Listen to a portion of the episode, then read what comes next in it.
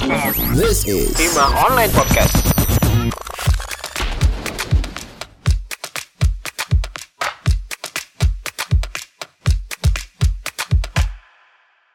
Halo semuanya, kembali lagi di Himah Berbicara. Perkenalkan, aku Pardita Eka Putri, aku akrab disapa Dita, aku merupakan mahasiswi hubungan internasional di Universitas Islam Indonesia Angkatan 2021. Aku bakal temenin teman-teman pendengar Himah Berbicara untuk beberapa episode ke depan. Nah, di sini kita sudah dibersamai oleh narasumber kita nih. Halo Bapak, Bapak enaknya dipanggil apa nih? Halo Dita. Bebas aja Dit, boleh panggil Mr. Herman. Jadi kita panggil Mr. Herman aja ya? Boleh, boleh, boleh. Oke, Mr. Herman gimana nih kabarnya? Baik Dita, Eh, kebetulan ini kita seru banget di tempatnya nih, walaupun teman-teman pendengar Himah nggak tahu kita di mana. Eh, eh, mana ada di tempat yang seperti nyatu dengan alam. Sampai-sampai masuk jalan masuknya aja kita harus melewati rintangan alam dulu ya. Benar-benar. ada daun-daunan, pohon-pohonan. Jadi keren banget dan di sini vibes-nya positif banget. Bang. Eh, Mister, boleh nih dijelasin backgroundnya? Oke, siap Dita. Em, teman-teman mungkin yang belum kenal, kenalan dulu ya. Saya biasanya dipanggil Mr. Herman. Eh, saya memang di prodi ilmu komunikasi, di prodi ilmu komunikasi dan kalau di komunikasi biasanya banyak apa namanya eh, ngampu mata kuliah yang berkait dengan kajian media dan juga PR. Jadi eh, seperti kajian film, kemudian juga digital eh, communications, kemudian juga apa mata kuliah-mata kuliah yang eh, kreatif dan uh, critical thinking.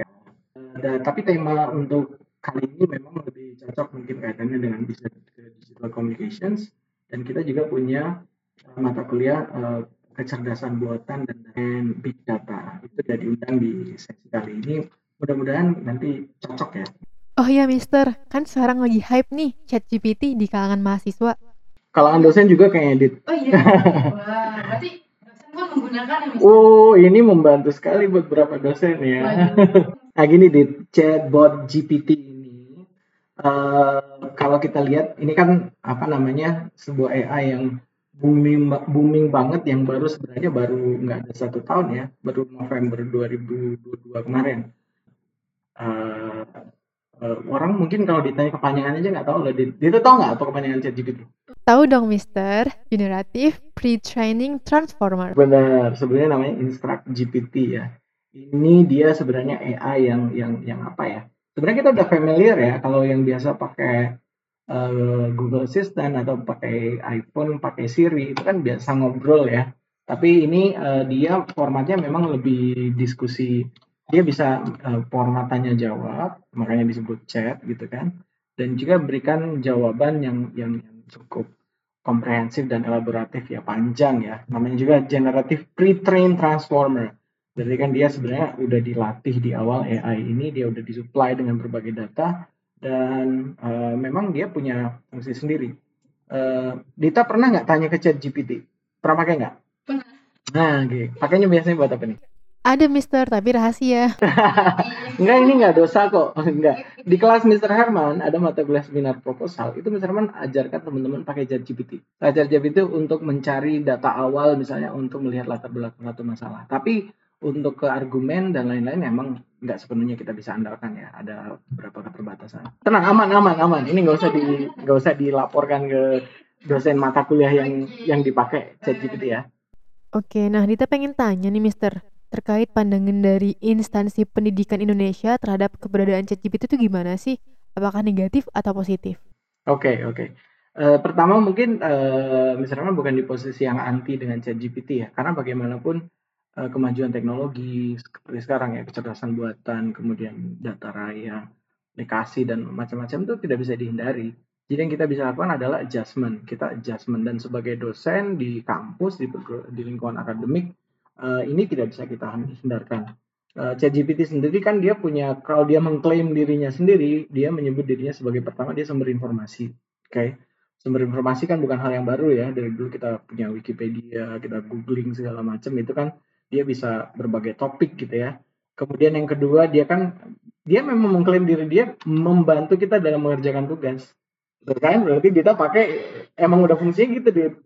Eh, misalnya dia memberikan panduan, petunjuk atau saran gitu ya dalam konteks tertentu misalnya buat nulis, matematika, bahasa asing, bisa emang mereka didesain untuk itu uh, mereka bisa jadi alat bantu pembelajaran untuk belajar mandiri konteksnya dalam lingkungan pendidikan. Tapi sekali lagi karena itu belajar mandiri kalian butuh cross checking dengan uh, authority ya atau bukan authority lah jangan bilang authority kesannya kita ini kayak Foucault banget ya pengetahuan dan uh, kekuasaan ya. Kita gini aja kita uh, kalian confirm dengan uh, apa namanya uh, orang lain lebih kompeten di bidang itu uh, supaya tidak terjadi mungkin jangan lupa ChatGPT punya beberapa kelemahan ya dia bisa bias kemudian juga datanya juga belum tentu update Ingat data terakhir itu mereka punya sampai September 2021 doang. Bahkan sampai detik ini loh. Kalau kita tanya ada berapa data yang mereka, maaf saya nggak punya data tentang ini nih. Karena terakhir punya saya ini diupdate 2021 September. Gitu. Dan dia juga mengklaim diri dia, ChatGPT ini buat hiburan dan komunikasi. Oke. Kita nih misalnya gabut nih di kos nih. Atau teman-teman di chat nggak ada yang jawab ya, cuman centang satu semua ya gitu ya. Uh, ya udah ngobrol sama ChatGPT gitu ya. Mungkin nanya-nanya tentang hal-hal yang absurd gitu ya. ChatGPT itu bisa itu ya membantu. Dan ini kalau di konteks dunia barat memang mereka saking individualnya kadang-kadang emang udah nggak ada lagi ruang sosial ruang publik kayak kita nih nongkrong duduk apa yang ngobrol. Mereka kadang-kadang lebih lebih apa namanya lebih uh, individualis. Apalagi dengan pengalaman pandemi kemarin orang banyak yang lockdown gitu ya banyak yang di rumah nggak ada teman ngobrol segala macam ya. Chat GPT ini bisa jadi alternatif. Dan dia juga bisa buat customer service. Nah ini fungsi AI yang dalam dunia industri. Jadi ya gitu di eh, nggak uh, usah ngerasa pakai chat GPT ini adalah sebuah dosa atau uh, apa namanya kejahatan akademik. Enggak juga. Tapi ada beberapa hal yang nanti mungkin perlu kita discuss ya gimana nih kita pakai ini supaya nggak nggak terjebak uh, apa namanya jadi manusia yang nggak mau malas mikir Oke, nah Dita pengen tanya nih Mister, terkait pandangan dari instansi pendidikan Indonesia terhadap keberadaan ChatGPT itu gimana sih? Apakah negatif atau positif? Um, ini pertanyaan keren nih, Dit. Karena gini, secara official itu belum ada regulasi, belum ada peraturan yang menjelaskan secara tegas pelarangan ChatGPT. Walaupun di dunia akademis, gitu ya, uh, udah banyak beberapa kritik terhadap AI ini misalnya Ya ini kan banyak digunanya banyak digunakan ChatGPT ini banyak dipakai buat nulis bagian pendahuluan. Ini ini masih dipertanyakan nih masalah etiknya gitu. Misalnya di ada satu artikel di di Atlantic itu seorang penulis namanya Stephen Marks dia mencatat bahwa uh, dalam dunia akademis uh, penerapan uh, essay dalam menulis essay dan lain-lain penerapan ChatGPT ini masih uh, masih masih bisa dibilang masih membingungkan. Karena mungkin uh, belum ada stand yang jelas gitu ya pelarangan yang jelas untuk itu gitu. Uh, atau mungkin uh, tapi benar yang ditanyain tadi misalnya dalam sebuah jurnal jurnal Nature namanya uh, seorang penulis penulis namanya Chris Stockwell Walker ini dia bilang banyak pendidik-pendidik uh, yang khawatir kalau siswanya menggunakan ChatGPT itu mereka jadi uh, apa namanya uh, kehilangan pemikiran kritis atau penalarannya gitu kan Ya, ada juga yang bahkan melihat ini sebagai bentuk kecurangan gitu kan. Misalnya uh, untuk tugas-tugas tertentu ini di uh, di Wall Street Journal ini ada artikel yang ditulis dari Joanna Stern dia bilang uh, apa namanya uh, dia menunjukkan bahwasanya penggunaan ChatGPT ini sebagai bentuk kecurangan terutama dalam pelajaran bahasa Inggris gitu ya uh, di beberapa sekolah menengah di Amerika. Jadi macam-macam sih uh, apa namanya respon terhadap ChatGPT ini negatif dan positif itu macam-macam. Uh, responnya masih beda-beda ya. Kalau di Indonesia sepertinya masih belum ada deh uh, perguruan tinggi atau lembaga yang secara jelas jelas menolak gitu ya. Bahkan di Princeton University sudah ada orang yang bikin uh, alat ya AI AI di lawan AI ya AI untuk mendeteksi artikel mana saja yang digunakan yang ditulis dengan menggunakan ChatGPT gitu ya. Uh, ini kira-kira kira-kira kalau ditulis di chat GPT dapat berapa dit nilainya dit mata kuliahnya di paper apa ini? Kemarin tuh karena lagi mepet deadline mau nggak mau kita harus pakai chat GPT. Nah ada kemarin tuh Dita dapatnya 87 Mister. Wih deh 87 berarti dapat udah A ya kalau 87 ya kayaknya ya. Oke ini di di uh, di uh, Minnesota University di Amerika itu chat GPT itu dipakai itu dia lulus ujian tapi nilainya C plus Sementara di Pennsylvania University dia dapat nilai B hingga B minus. Nggak ada yang dapat A ya. Itu kalau di kita kayaknya masih dapat A ya. Karena mungkin uh, tingkat standar penulisan di kita mungkin tidak tidak tidak setinggi mungkin rubrik di universitas-universitas uh, uh, dunia yang mungkin dia lebih tinggi rate-nya gitu ya. Jadi memang uh, apa namanya uh, penggunaan ini masih pro kontra, tapi di beberapa negara maju memang sudah ada yang penolakan atau mungkin pembatasan atau pengaturan gitu ya. Uh, model bahasa ChatGPT itu kan uh, uh, ada juga yang menganggap itu kalau misalnya jurnal ditulis artikel jurnal ditulis pakai itu dia harus nyebutin ini dipakai hmm. bersama dengan ChatGPT jadi kayak penulis bersama gitu jadi ya gitu deh jadi uh, di kita sebenarnya belum ada pelarangan nah kalau di kita pernah ikut kuliah Mr. Rahman belum pernah ya misalnya tadi uh, Mr. Rahman cerita sedikit tentang di mata kuliah seminar proposal teman-teman kadang-kadang bagian tersulit dari menulis uh, proposal penelitian adalah menulis bagian pendahuluan atau bagian latar belakang. Latar belakang sebenarnya fine-fine aja. Kita menggunakan ChatGPT untuk melihat konteksnya sekarang seperti apa. Karena dia punya data ya. Dia punya data, kemudian dia bisa mengelaborasi data itu. Misalnya bagaimana kondisi eh, pendidikan Indonesia saat ini. Boleh. Tapi misalnya kalau kita butuh sesuatu yang lebih spesifik, misalnya mata mau nulis riset tentang politik, mau nulis tentang pilpres misalnya 2024 ini. Coba tanyain, misalnya sudah coba beberapa kali di chat GPT misalnya, bagaimana peluang dari uh, uh, tokoh A sebagai presiden, tokoh B sebagai presiden, tokoh C, dia pasti cenderung akan menyampaikan posisi netral. Uh, sebagai AI dia tidak akan menunjukkan afiliasi politiknya misalnya. Sebagai AI, nah dia jawabnya kayak gitu, diplomatis tuh, ala, ala Firly ya mungkin ya, Firly ini nggak ikut ngomong tapi uh, apa namanya Dita misalnya teman yang HI misalnya uh, dia diplomatik dia bilang uh, sebagai AI saya tidak memiliki preferensi politik uh, semua memiliki peluang ini tapi memang ada beberapa tokoh yang dia sebut tapi itu kan berdasarkan data ya jadi dia nggak bisa ngasih analytical apa namanya analisis uh, analisis yang kritikal gitu ya, terhadap situasi tertentu misalnya itu uh, dalam beberapa hal misalnya kaitannya dengan agama atau mungkin kaitannya dengan isu ras dia juga sama dia akan berposisi netral misalnya Nah, kalau kita misalnya misalnya ini pengen riset, saya salah satu risetnya misalnya tentang nasionalisme dalam budaya populer. Kita pengen ngomongin nasionalisme dalam film misalnya ya. Bagaimana uh, ideologi nasionalisme direpresentasikan dalam film. Kita mau ngomong ini, misalnya dia punya nih, sebenarnya punya unsur rasisme nih di dalam film tertentu. Misalnya ada ideologi white nationalism misalnya dalam film-film Amerika zaman dulu, misalnya Gone with the Wind. Itu dia nggak mau ngomongin itu uh, Chat GPT. Jadi waduh berapa hal kita nggak bisa pakai ChatGPT untuk, untuk uh, membantu kita dalam mengerjakan tugas akademik yang itu membutuhkan critical thinking dan analysis. Tapi kalau memberikan informasi, kemudian memberikan evaluasi secara general yang semua orang sebenarnya juga udah tahu, oke okay lah ChatGPT. Tapi Dita yang sedikit surprise dari ChatGPT ini ya, Mister. Kan ketika Dita bikin tugas itu, itu tuh kita cek nih, Mister, plagiarismenya Nah, alat buat cek plagiarisme itu yang paling dipakai saat ini tuh namanya Turnitin. Dan yang surprise-nya, Mister, itu di Turnitin tuh nggak kedetek kalau itu plagiarisme. Betul. Uh, ini benar, Dit. Uh, di kelas Mister Rahman, misalnya mata kuliah Sempro, seminar proposal itu Mister juga suruh, oke teman-teman pakai chat GPT, sekarang kita cek plagiasinya gitu ya. Kita cek plagiasi memang betul tingkat plagiasinya sangat rendah, bahkan di bawah 10% gitu ya. Tetapi kita lihat kualitas dari argumennya Nah, kualitas argumennya beberapa itu bahkan informasi dasar pun itu banyak yang tidak akurat juga.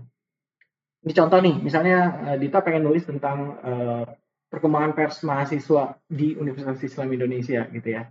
Nah nanti kalau melihat sejarah, misalnya pakailah chat GPT untuk melihat sejarah UI, itu dia tidak akan mengakui UI sebagai universitas tertua di Indonesia hmm. atau universitas pertama di Indonesia. Kalau di googling di sini Eh, sorry kalau di chat GPT kan bukan googling ya sekarang kita ganti ya istilahnya kalau di GPT kan nggak enak enak kan googling ya kalau di GPT kan di GPT kan tuh nanti munculnya uh, universitas pertama di Indonesia tuh UI tapi tanggalnya dia nulisnya tetap tahun 50 tahunnya 50 universitas kita tulis universitas swasta pertama di Indonesia dia nulisnya Parahyangan dan tahunnya 55 tapi gila yang kita minta sejarah UI dia tetap nulisnya Juli 45. Menarik kan? Nah, jadi kan dalam beberapa hal akurasi dari ChatGPT ini memang perlu dipertanyakan. Jadi nggak bisa kita benar-benar pakai plug apa yang ada di ChatGPT. Kita harus double check dan cross check dengan nomor lain. Satu hal lagi, misalnya Dita nih, nulis bagian pendahuluan sebuah artikel atau paper. Artikel paper itu kan karya ilmiah ya, apalagi nanti misalnya itu bentuknya untuk tugas akhir kayak skripsi. Nah, nanti Dita ajukan itu, di ujian skripsi itu setiap kalimat yang kita tulis, ada penguji atau reader namanya yang akan menanyakan ini menurut siapa, ini klaimnya siapa, ini kutipannya siapa. ChatGPT itu nggak pernah nampilin kutipan sumbernya dari mana. Nah, itu kelemahannya ChatGPT ya. Dia kok ditanya ini dari mana ya? Eh, jangan-jangan karangan dia. Makanya ChatGPT ini juga bilang sering berhalu. Ya. Dia sering halu juga nih ChatGPT. Dari mana nih dia dapat data ya? uh, ini fun fact aja ya. Coba kalian googling. Itu ada satu profesor di sebuah uh, perguruan tinggi di Amerika. Dia tuduh melakukan, dituduh melakukan sexual harassment atau pelecehan. Ditanya, sebutkan contoh dosen yang pernah melakukan harassment di universitas ini. Nama dia disebut, padahal dia sama sekali nggak pernah melakukan itu. Jadi dia melakukan tuntutan hukum ke sebuah AI yang memfitnah dia gitu kan. Itu kan ya itu tadi yang bisa kasih contoh sebagai contoh dari halu tadi. Googling aja nanti kalau teman-teman jangan di chat GPT kan chat GPT nanti sesat. Di googling aja fakta itu ada. Dan itu memang ya menarik ya. Maksudnya dia memang mengkolek data dia pakai prinsip eh, NLP kan Neuro Linguistic Program kemudian dia juga disuplai datanya bahkan tadi misalnya bilang data terakhir mereka paling update di September 2021 uh, eh, kalau kita nanya yang kejadian sekarang-sekarang ini ChatGPT belum bisa jawab gitu kan Uh, dan makanya uh, apa namanya uh, ChatGPT ini punya challenge ya. Dia memang ada manfaatnya, tapi di sisi lain memang ada kelemahannya. Makanya berapa berapa kompetitor kan bikin uh, apa namanya kompetitornya ya. Misalnya Google bikin. Yeah, uh, apa deh, kita tahu nggak? Ya Google Bard misalnya. Kemudian juga beberapa uh, Microsoft juga bikin ya. Uh, Bing ya dengan uh, ChatGPT Bing-nya yang itu menarik juga tuh. Itu kalau teman-teman lihat eh, beberapa itu ada beberapa statement AI-nya agak mengerikan ya. Dibilang aku pengen jadi manusia gitu ya. Aku ingin jadi sama yang misalnya bilang tadi halu gitu ya. Jadi teman-teman boleh pakai itu apa namanya ChatGPT untuk dunia akademis untuk membantu kalian mungkin melakukan penghitungan sederhana karena memang udah eranya seperti itu ya. Untuk teman-teman yang arsi misalnya ini di nih anak arsi uh, misalnya dia harus uh, bikin desain apa, mungkin estimasi uh, ukuran kaitannya dengan nggak tahu mungkin uh, nanti sirkulasi udaranya gimana atau uh, ruangannya iluminasinya nanti idealnya seperti apa gitu ya atau mungkin kalau pakai bahan ini nanti kelebihannya apa kekurangannya apa misalnya arsitektur Nusantara nih misalnya nih kita kasih contoh misalnya. Uh, kalau bahan ini nanti gimana gimana. Itu dia bisa melakukan itu. Tapi kalau untuk yang sifatnya kritis, evaluatif, kemudian juga membangun kesadaran, awareness masih sulit. Uh, kalau Dita sendiri ya, Mister, itu biasanya kalau misalnya ngajuin pertanyaan, Mister, itu di akhir pertanyaan Dita selalu sertakan berikan juga referensi sumbernya gitu. Mm -hmm. Dikasih nggak, Mister? Ya betul, betul untuk apa namanya uh, referensi sumber itu memang salah satu fungsi chat GPT dalam membantu kita mengerjakan tugas memang dia bisa memberikan daftar referensi bacaan uh, terkait topik tertentu. Tetapi kita lihat ada nggak in-text citationnya?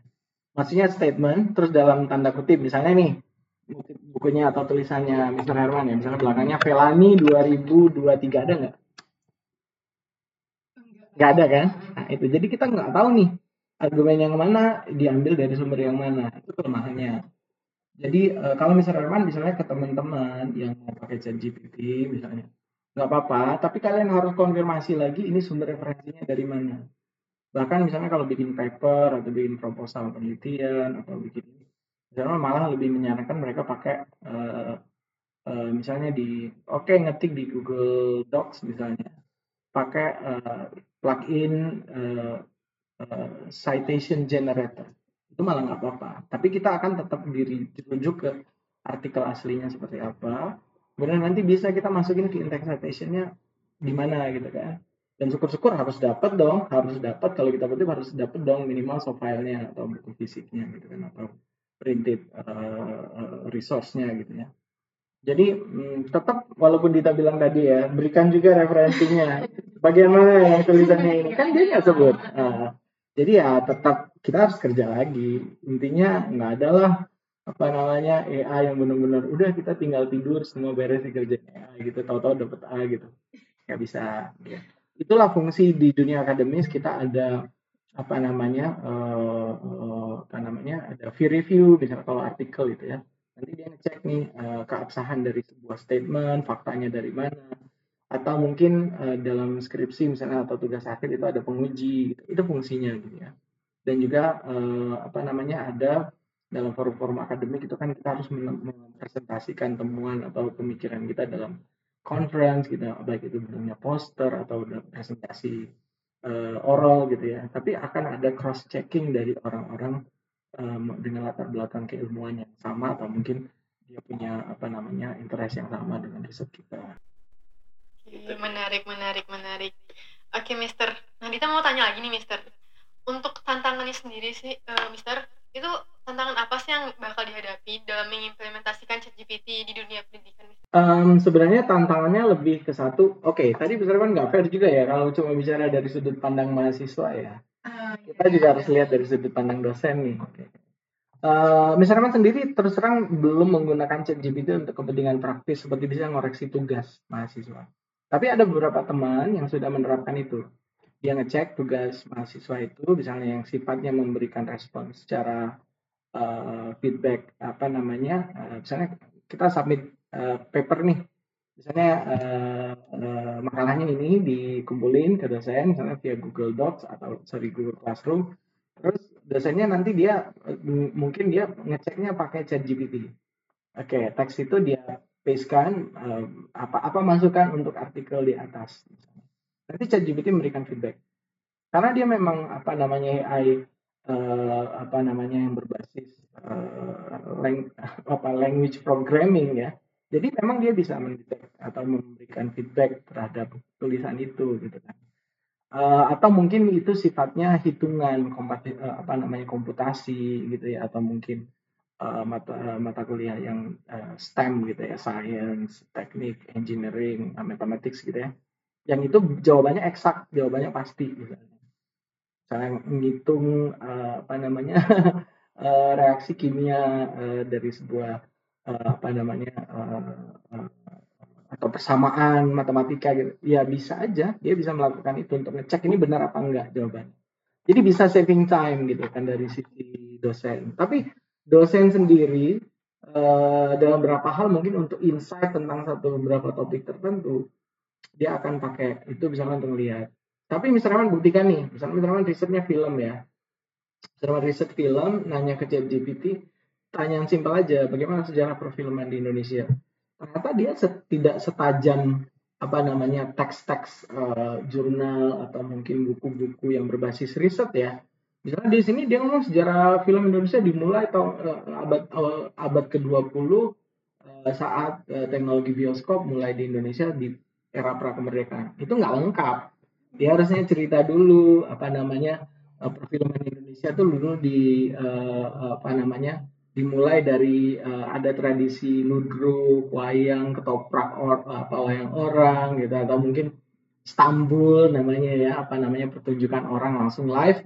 Kemudian di era Hindia Belanda itu baru masuk apa namanya Eh, teknologi film itu kan nggak terlalu lama ya. Kalau dari riset itu kan 1895 di pertama kali diputer di Prancis di Lumiere Brothers 1897 udah masuk ke Batavia udah masuk ke Hindia gitu kan.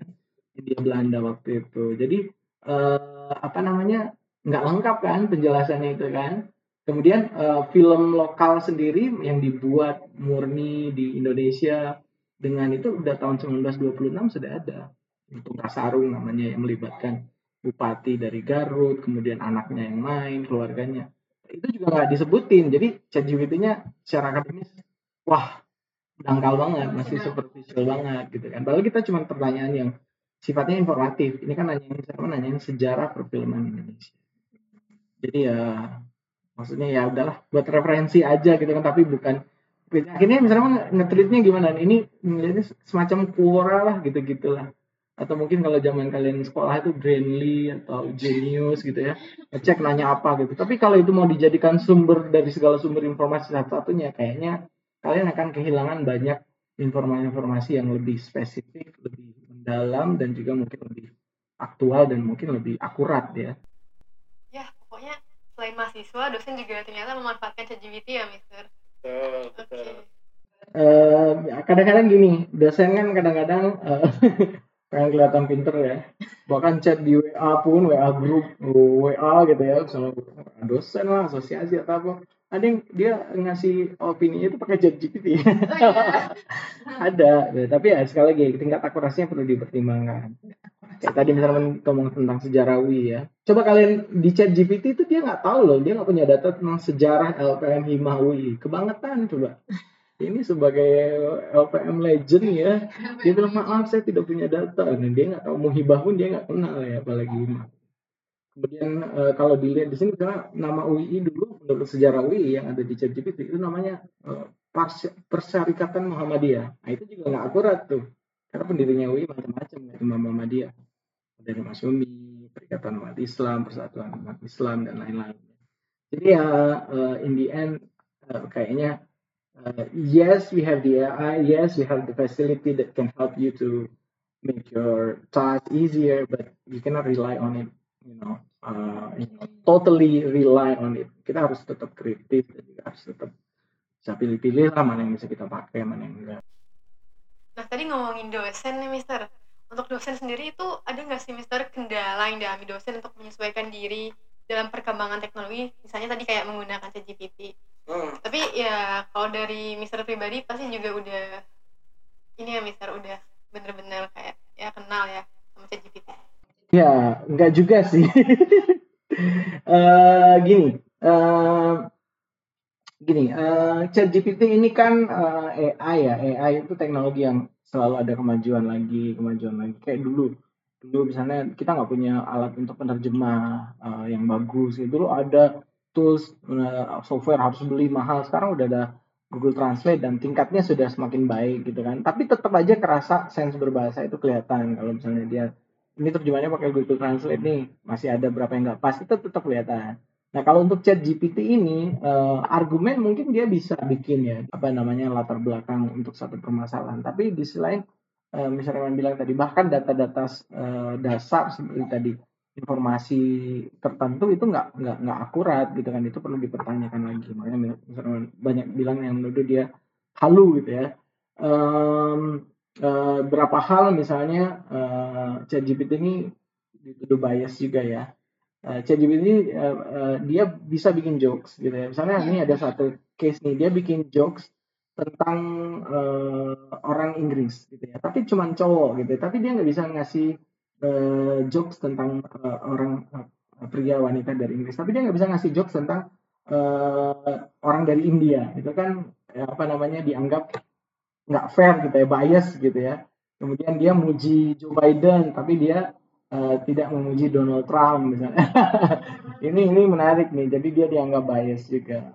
Uh, apa namanya jadi nggak bisa diinikan nggak bisa uh, kita anggap ini betul-betul free dari bias juga. Dia juga masih punya bias kemudian juga tidak akurat mungkin beberapa di tapi di sisi lain dia sangat membantu juga kita untuk uh, melakukan uh, memberikan perspektif uh, informasi atau mungkin latar belakang informasi yang relevan dengan apa yang kita cari walaupun semuanya tetap harus di double check ya